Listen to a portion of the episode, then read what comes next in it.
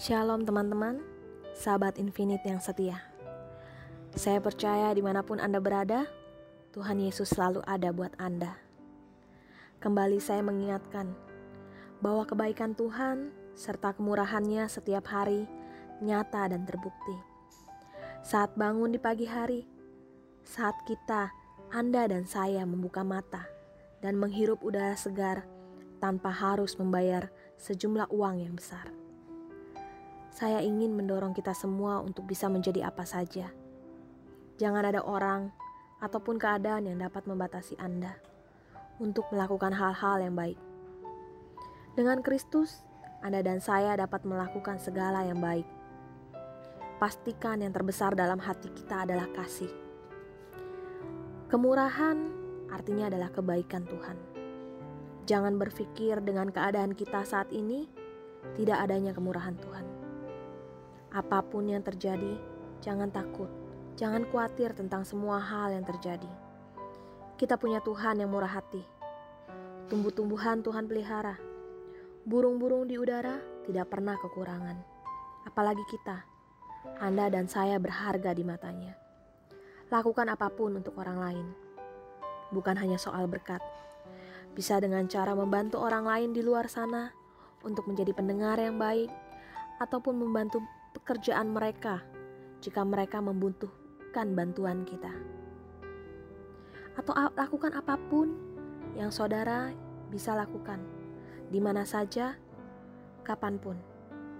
Bangun loyalitas yang tinggi, yaitu mutu dari sikap setia lewat tindakan memberi ataupun menunjukkan dukungan.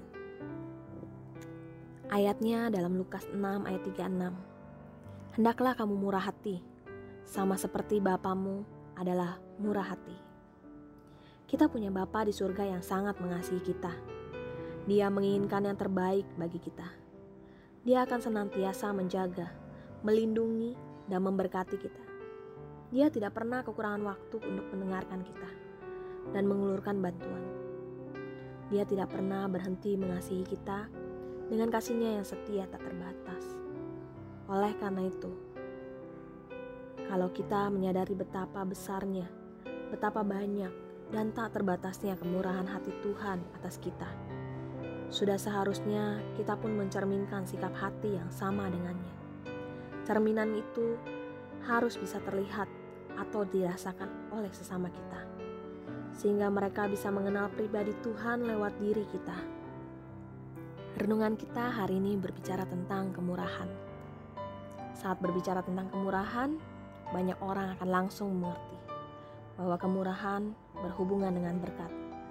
Firman Tuhan dalam Matius 5 ayat 7 dengan judul Khotbah di Bukit. Dalam khotbahnya Yesus di bukit, Yesus mengajarkan, Berbahagialah orang yang murah hatinya, karena akan beroleh kemurahan. Tidak sedikit orang berpikir bahwa saat kita memberi, pasti kita akan diberkati. Atau berpikir, jika ingin diberkati, maka kita harus memberkati. Setiap orang yang hidupnya di dalam Tuhan pastinya punya standar hidup dari Tuhan itu sendiri, yaitu kasih. Kasih bekerja karena ada iman di dalamnya. Attitude orang Kristen adalah sikap hati yang benar. Dalam Galatia 5 ayat 22 sampai 23 mengenai buah-buah roh. Saya dapat menyimpulkan bahwa kasih menimbulkan sukacita saat sukacita datang, pastinya kita akan memiliki damai sejahtera. Damai sejahtera pastinya akan muncul kesabaran. Dari kesabaran akan menghasilkan kemurahan dan kebaikan. Dari kemurahan dan kebaikan, orang tersebut adalah orang yang setia, lemah lembut, dan dapat menguasai diri. Memberi bukan keharusan, tetapi gaya hidup. Kita diberkati atau tidak itu urusan Tuhan. Tetapi menjadi berkat itu pilihan kita. Jadi, kemurahan adalah respon iman yang bekerja lewat kasih yang tulus terhadap kebaikan Tuhan. Karena iman adalah jalan kehidupan. Oleh sebab itu, iman kepada Yesus selalu mengambil langkah untuk menjadi berkat bagi sesama. Buat sesuatu untuk orang lain. Do something. Kasih dalam perbuatan yaitu memberi diri, bukan hanya berkat, Sekian renungan singkat hari ini. Saya ingin mengajak kita semua untuk mengingat kembali semua kemurahan dan kebaikan Tuhan. Mulai memberkati, karena kita sudah menerima lebih dahulu dan lebih banyak kemurahan dari Tuhan.